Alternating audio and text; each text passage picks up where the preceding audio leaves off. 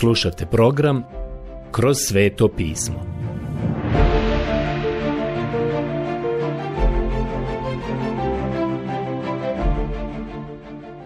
Knjiga Evanđelje po Marku.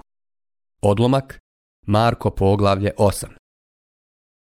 Prijatelji, u ovom osmom poglavlju, sada kad danas dolazimo do njega, doznajemo da je ono veoma slično prethodnim poglavljima što se tiče dužine. Ono u sebi također sadrži i izražava veliku temu Evanđelja po Marku. Naglasak je na akciji i djelovanju, na onome što je Gospod Isus učinio. To je bilo važno Rimljanima, a važno je i nama danas. Da li je Gospod Isus u stanju spasiti u potpunosti? Može li on obaviti posao? On je sluga gospodnji i saznajemo da može. Sada u ovom poglavlju imamo opis kako je nahranio 4000 ljudi na obali Dekapolisa. I opet vidimo da farizeji idu za njim i prate njegov trag i traže znak u Dalmanuti. A zatim u Becajdi prijatelji slijepca traže od Isusa da dotakne oči njihovog slijepog prijatelja. I tada Petar ispovijeda svoju vjeru u Cezareji Filipovoj. Dakle, prijatelji vidite da se on kreće u naokolo a nije imao iznajemljeni rentakar automobil. U to vrijeme nije bilo dobrih autoputeva. Hodao je i mogu li reći da on pokriva veliku oblast. Ta zemlja je mala zemlja, ali kada se krećete pješke, hodajući, ta je zemlja u stvari prilično velika. Zapravo, kretanje po njenoj teritoriji pješice skoro da odgovara veličini teritorije Sjedinjenih država kad uzmemo u obzir da se tu ljudi kreću automobilima. On se kretao pješice. Isus je nahranio 4000 ljudi. Ovdje imamo opis kako je Isus nahranio 4000 ljudi i tim događajem započinje ovaj odjeljak. I vjerovatno bismo ovdje trebali provesti samo trenutak i pogledati nešto jer ima onih koji smatraju da je hranjenje 4000 ljudi zapravo duplikat događaja kada Isus nahranio 5000 ljudi. Zato oni ovo čudo praktično ignorišu. To je navelo nekoga da kaže da je hranjenje 4000 ljudi zanemareno Isusovo čudo. I sigurno da jeste. Kada kritičar dođe do ovog dijela na svoj uobičajeni način, nastoji odvojiti Bibliju od nadprirodnog.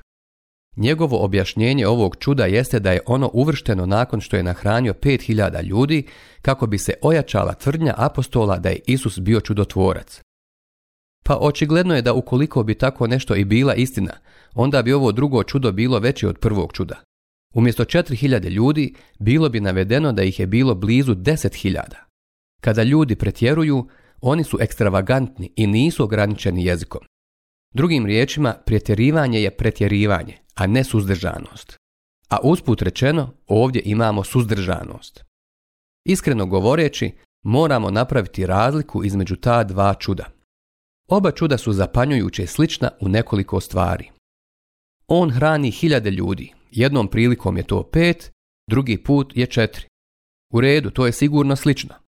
Ali postoji i sedam tačaka u kojima se razlikuju, a na te različitosti vam trebamo skrenuti pažnju. U prvom slučaju, to jest prilikom hranjenja hiljada ljudi, mnoštvo je bilo sa gospodom jedan dan, a kada je nahranio hiljade ljudi, bili su sa njim tri dana. Pod dva, u prvom slučaju, kada je nahranio 5000 ljudi, učenicima je rečeno da odu i vide koje zalihe su dostupne, dok su u drugom slučaju oni bili spremni dati informacije i prije nego što su bili upitani. Pod 3. Kada je nahranjeno 5000 ljudi, bilo je 5 hljebova i dvije ribe, a za 4000 ljudi bilo je 7 hljebova i nekoliko riba. Pod 4. I kada je nahranio 5000 ljudi, tada je bila blizu pasha i mnoštvu je rečeno da sjednu grupama na zelenoj travi. U drugom slučaju, u ovom koji obrađujemo ovdje, zato što se desio kasnije u godini, trava više nije zelena i rečeno im je da sjednu na zemlju, doslovno na zemlju. Pod pet. I u prvom slučaju kada je nahranjeno 5000 ljudi, rečeno je da je naš gospod blagoslovio hljebove, dok je u drugoj prilici rečeno da je prvo zahvalio za hljebove, a kasnije da je blagoslovio ribu. Pod šest, Nakon što je 5000 ljudi nahranjeno, ostalo je 12 košara ostataka. Ali kada je nahranjeno 4000 ljudi, ostalo je 7 košara ostataka. Pod sedam, I na kraju, broj koji je nahranjen je različit u ova dva slučaja. Dakle, postoji oštar kontrast između ova dva slučaja kada je Isus nahranio mnoštvo. Kada je nahranio 5000 ljudi, bilo je to na kraju prvog dana. Isus ih je poučavao, ali prema Ivanu, nakon hranjenja hiljada ljudi, uslijedio je govor o hljebu života. Ovaj važan govor bio je neka vrsta govora nakon večere. Ali prilikom hranjenja 4000 ljudi, mnoštvo je bilo sa Isusom tri dana, slušajući njegovo učenje, a fizička hrana je uslijedila nakon poučavanja.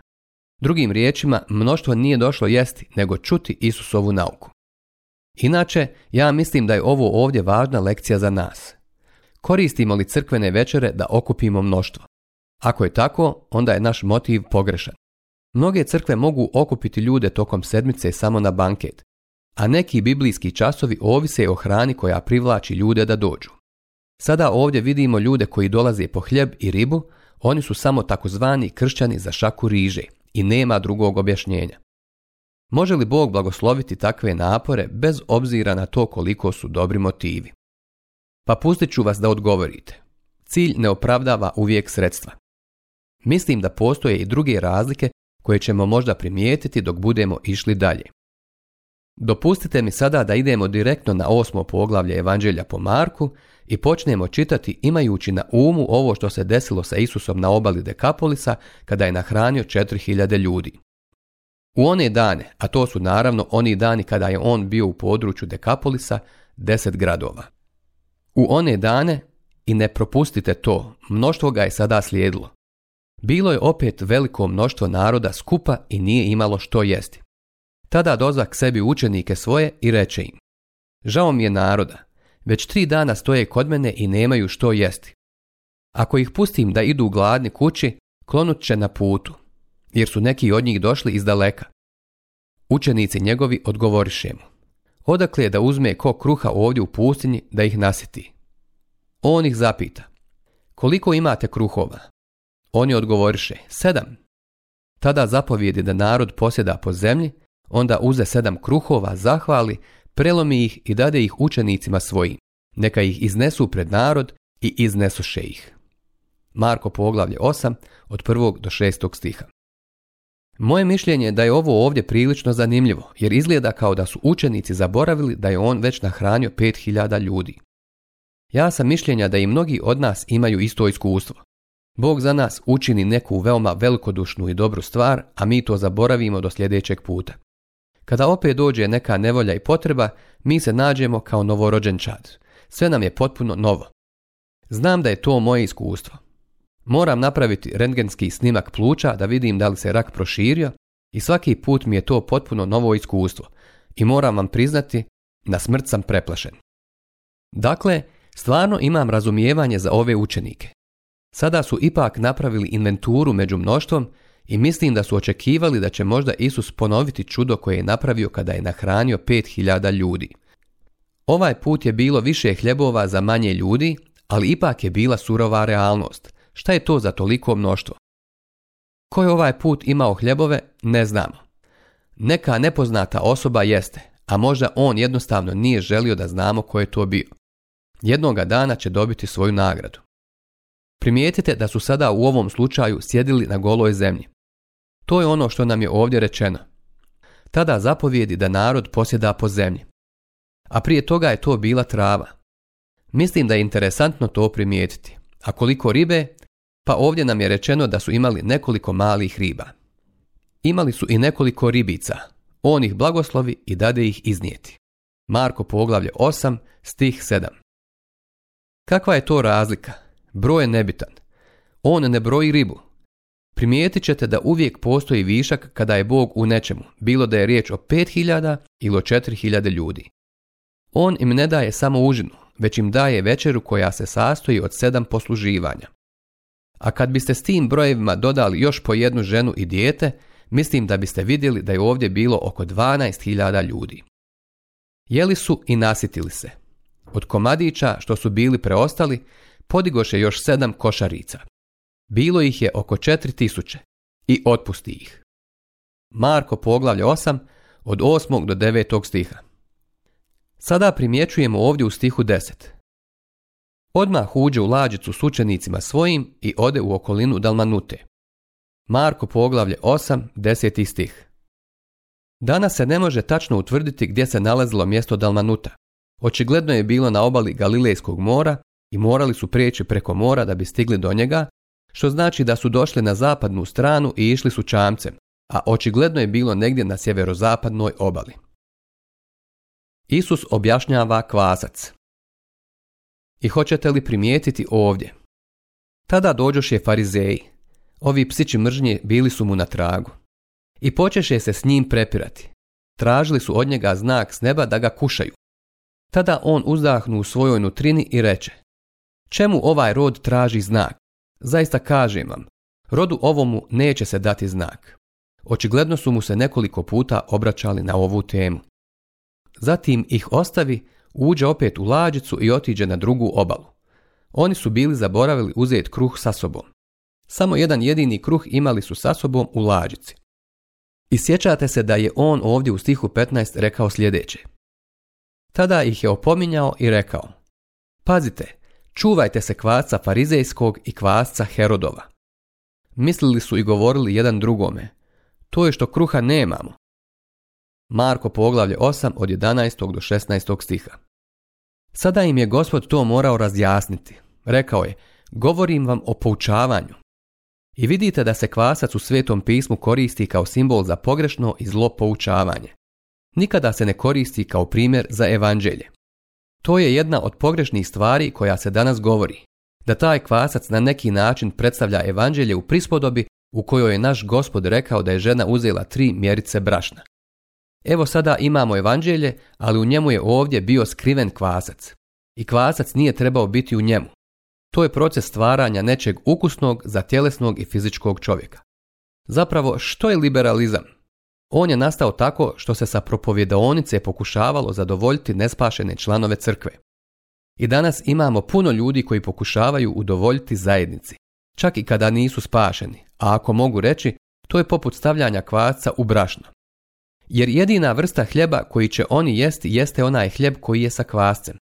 Kvasac čini da hljeb bude ukusan. Prijatelj, odrastao sam na vrućim keksima. Znam da su dobri, a to se dopada tjelesnom i prirodnom čovjeku. Ja ne marim toliko za beskvasni hljeb, nego za riječ Božju. To je pravi beskvasni hljeb. E sad, moram reći da mi se sviđa. A kvasac koji mi se u njega stavlja je zlo. I to je ono što on ovdje radi upozorava ih i govori im da se toga moraju čuvati. Neka vam srce ne bude otvrdnuto, neka bude otvoreno za evanđelje. I on im kaže u stihu 18. Imate oči i zar ne vidite? Imate uši i zar ne čujete? Zar više ne mislite na ono kako sam onda pet kruhova prelomio na pet tisuća? Marko poglavlje 8, 18. stih. Ja sam već dugo propovjednik, prijatelji. Ponekad otkrijem nešto što me zaprepasti. Da neka osoba za koju mislite da poznaje duhovnu istinu, a zapravo joj potpuno nedostaje razumijevanje. Takve osobe to uopšte ne shvataju.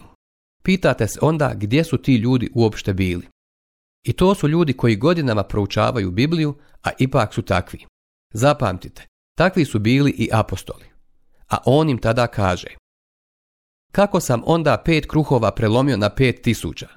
Koliko košarica punih komadića nakupiste tada? Oni mu odgovoriše, 12. I kad prelomi sedam kruhova na četiri tisuće, koliko košarica punih komadića nakupiste?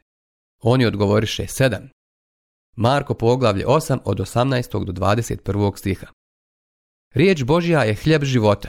Ona ga objavljuje i otkriva i hraniti se njome znači hraniti se njime i čuvati se kvasca. Mislim da bi nam to ovdje trebalo biti jasno iz poučavanja koje nam on daje. Slijepac iscijeljen u Betsaidi Sada imamo ovaj divan događaj opisan ovdje u stihu 22. Mislim da smo otišli dovoljno daleko sa ovim slučajem hranjenja 4000 ljudi. Zasigurno ćemo se opet vratiti na hranjenje 5000 ljudi u evanđelju po Luki, a zatim ponovo u evanđelju po Ivanu, pa ćemo tada ulaziti u mnogo više detalja. Sada u stihu 22. Dođoše u Becajdu. Tada mu donesoše slijepca i zamoliše ga da ga se dotakne. Marko poglavlje 8, 22. stih. I primijetite ovdje sada ovaj događaj sa slijepim čovjekom. I ovo je još jedan od izvanrednih primjera ovdje. Vidite, on je odgovorio na njihov zahtjev i dodirnuo je njegove oči, ali primijetite da ga Isus odveo iz grada u Becajdu, tamo gdje je učinio mnoga silna djela baš kao što u Nazaretu nije mogao izvoditi silna djela i čuda. Naš gospod ovdje koristi jedinstveni metod i nema nikakve ljekovite vrijednosti u pljuvački, već je to samo da poveća vjeru ovog čovjeka. Mislim da ovdje postoji velika duhovna istina. Dopustite mi da ovo prvo pročitam, a onda pogledajmo duhovnu istinu. I sad čitam to. On uze slijepca za ruku i izvede ga van pred selo. Tada pokvasi oči njegove pljuvačkom, stavi ruke na njega i zapita ga. Vidiš li što? On pogleda i reče. Vidim ljude gdje hodaju kao da su drveće. Još jedanput stavi mu ruke na oči. Tada je mogao dobro vidjeti. On je bio iscijeljen i vidio je sve posve bistro. Onda ga posla kući i reče, ne ulazi u selo. Marko poglavlje 8 od 23. do 26. stiha. Ovo mjesto Betsaida već ima izrečenu presudu. Pogledajte Evanđelje po Mateju poglavlje 11, 21 stih.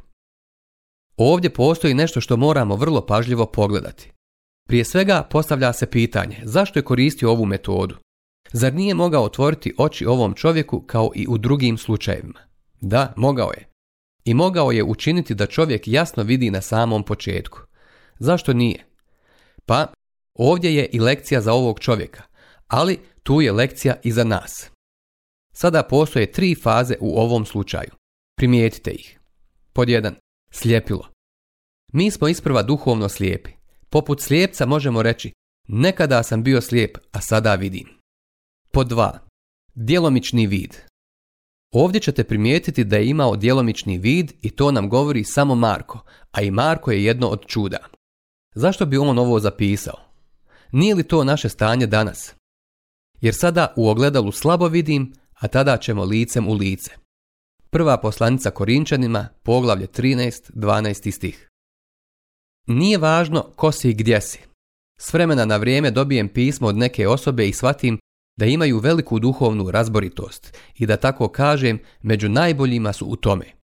Ne znam zašto im se čini i zašto misle da i ja pripadam tamo, ali moram vam priznati da ja vidim samo kroz mračno staklo. Ima toliko stvari koje ne razumijem, a mislim da smo svi danas na takvom mjestu. Sada mislim da neki ljudi to ne shvaćaju. Osjećaju se kao, Bože, ja znam sve stvari koje ti trebaš znati. Pa to je jedno od prokletstava nekih naših temeljnih crkava.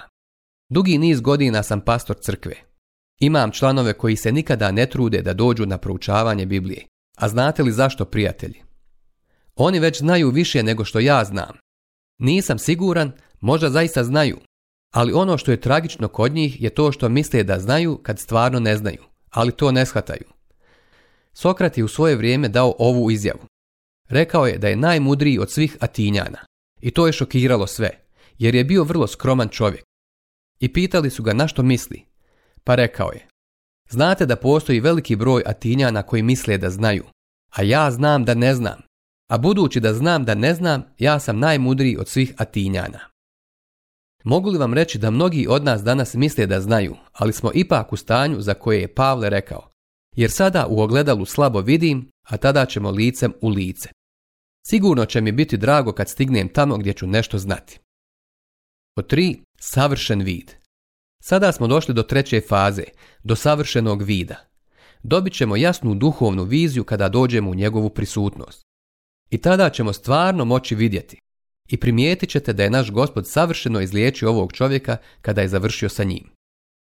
Ovdje postoji nešto za što danas nemam dovoljno vremena da detaljno objasnim.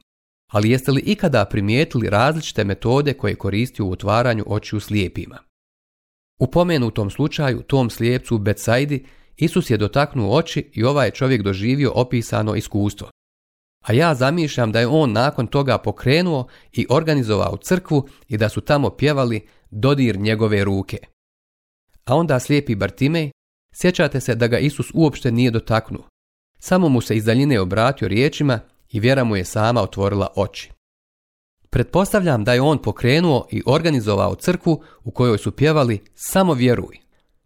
Čovjeku koji je bio rođen slijep rečeno je da ode i okupa se u Siloamskoj banji a to je potpuno drugačija metoda nego ona u Evanđelju po Ivanu u poglavlju 9. I ovaj čovjek je vjerovatno pokrenuo i organizovao crku pod nazivom Siloamo Baptista. I oni su pjevali, hoćemo li se okupiti na rijeci? Kažete da je to apsurdno. To je sigurno bilo apsurdno za to vrijeme, ali danas ljudi definitivno rade istu stvar. Mogu li vam reći sljedeće? Kakva je samo to lekcija za nas? Za koga me drže ljudi? Sada imamo Petrovo ispovijedanje vjere. Pogledajte Evanđelje po Marku, poglavlje 8 od 27. do 33. stiha. Zadržao sam se na tome baveći se detaljima u Evanđelju po Mateju i ne želim to sada previše ponavljati. Ali hoćete li primijetiti? Ovdje je važno ko je Isus. Ko je On? Šta mislite o Kristu? To je test da provjerite svoje stanje i planove. U ostalim stvarima ne možete biti u pravu ukoliko ne mislite ispravno o njemu. Prijatelji, važna stvar je biti sjedinjen sa njim, spojen sa njim i uživati u pravom odnosu s Isusom Kristom. Mislim da je najbolja stvar koju je Šimun Petar ikad učinio bila to da je rekao Ti si Krist, sin Boga živoga. Vidite, Matej daje potpuni izvještaj o tome. Kristova smrt Sada ovdje imamo stvar kojom se naš gospod bavi u stihu 34. Tada dozva narod sučenicima i reče im Ko hoće da ide za mnom, neka se odrekne samoga sebe, neka uzme križ svoj na sebe i neka tako ide za mnom. Jer ko hoće da spasi život svoj, izgubit će ga. A ko izgubi život svoj zbog mene i zbog evanđelja, spasit će ga.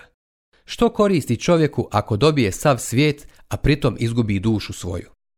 Jer što može čovjek dati kao otkup za dušu svoju? Ko se stidi mene i mojih riječi pred ovim preljubotvornim i grešnim naraštajem, toga će se i sin čovječi postidjeti kada dođe u slavi oca svoga sa svetim anđelima. Marko poglavlje 8 od 34. do 38. stiha. Ovo je prekrasan odlomak iz svetog pisma koji ovdje imamo. Gospod Isus nije otkrio ko je on i svoju božansku osobnost odvojeno od svog dijela otkupljenja. To možete uvijek primijetiti. U stihu 31 kada su ga prepoznali, on je rekao sljedeće. I počne ih učiti da sin čovječi mora mnogo trpjeti i da će od starješina, glavara svećeničkih i književnika biti odbačen i usmrčen, ali poslije tri dana da će uskrsnuti. Pogledajte evanđelje po Marku, poglavlje 8, stih 31. Sada on ovdje ne postavlja uslov spasenja, već govori o položaju onih koji su već spašeni. Ko se stidi mene i mojih riječi? Kakav si ti kršćanin? Jesi li onaj koji ga priznaje i služi mu pokušavajući da ga proslavi? Prijatelji moji, to je ono što je jedino važno u ovim danima u kojima živimo.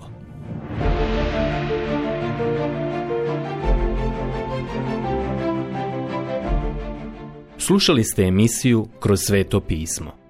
Možete nas slušati i na našem YouTube kanalu putem mobilne aplikacije – te na svim glavnim podcast platformama kao što su Google, Apple i Spotify. Ako vam se naši programi dopadaju, preporučite ih i podijelite s drugima. Budite slobodni da ostavite svoj komentar ili nam pišite na našu e-mail adresu kroz svetopismo.bih at gmail.com Zapratite našu stranicu kroz sveto pismo BiH na Facebooku i na Instagramu Emisije iz ove serije možete pronaći na našoj stranici ttb.twr.org.